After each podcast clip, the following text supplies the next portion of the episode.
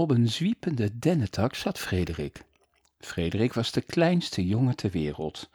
Als je hem daar had zien zitten, op het groen, dan had ik tegen je gezegd dat je de ogen van een havik had. De jongen was namelijk niet veel groter dan jouw Pink. Eerst was hij gewoon geweest. Gewoon groot, zoals een gewone jongen van tien jaar, maar dat was voor de vlinder. Na de vlinder was alles veranderd, want na de vlinder was het iets gekomen.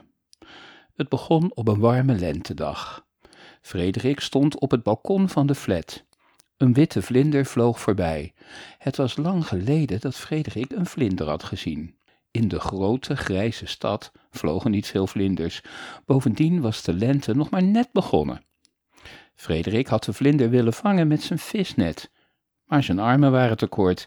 Zijn moeder kwam het balkon op. Ze pakte zingend het visnet van Frederik, ging op haar tenen staan en boog naar voren. Verder, verder en nog een beetje verder. En toen had ze daar gelegen, zomaar ineens, beneden op het voetpad. Moeder was niet echt als een vlinder door de lucht gevlogen. Ze was in één rechte lijn naar beneden gevallen, totdat het vallen was opgehouden. De stoep had haar opgevangen, helemaal plat was ze. Daar lag ze, met het visnet nog in haar hand, en ze zou nooit meer vlinders voor hem vangen. Zeven dagen later klom Frederik op de reling van het balkon. Hij hoefde maar één stap naar voren te zetten. Na de stap zou hij ook vallen, of misschien zou hij wel vliegen als een vlinder. Maar toen was de klauw om zijn arm geweest, de hand van zijn vader, vader Fred.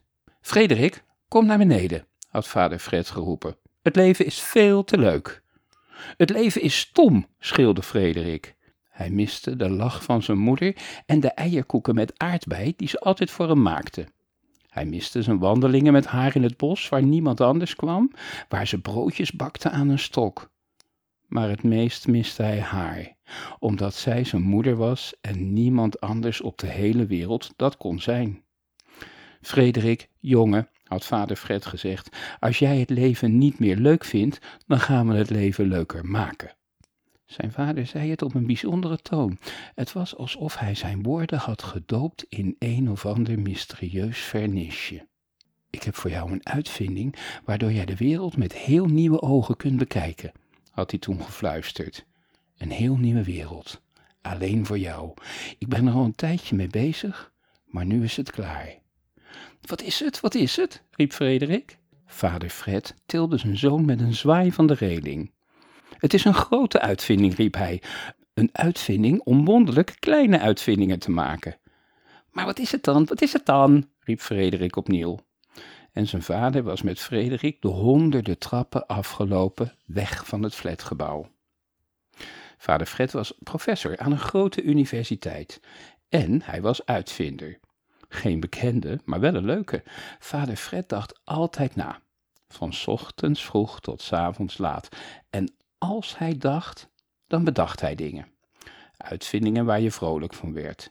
Zo had hij eens een heel bijzondere skippiebal ontworpen. De bal stuiterde zo hoog dat je de wijzers van de kerktoren op zomertijd kon zetten. En hij had voetbalschoenen ontwikkeld waarmee je een bal kilometers ver kon trappen.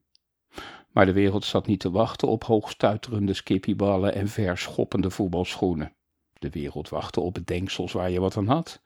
Frederik wachtte ook op glanzend geluk dat hem kon oppoetsen. Frederik rende achter zijn vader aan, de straat over, twee stegen door. Aan het eind van de tweede steeg stopte zijn vader. Voor een rode schuur haalde hij een koperen sleutel tevoorschijn. Frederik, sprak zijn vader met een glimmend gezicht en hij giechelde even. Toen stak hij de sleutel in het slot van een houten deur. Hier is hij dan, de Minisculus Miraculus.